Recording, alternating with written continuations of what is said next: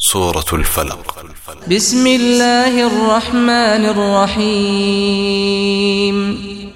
Dengan menyebut nama Allah yang maha pemurah lagi maha penyayang قل أعوذ برب الفلق Katakanlah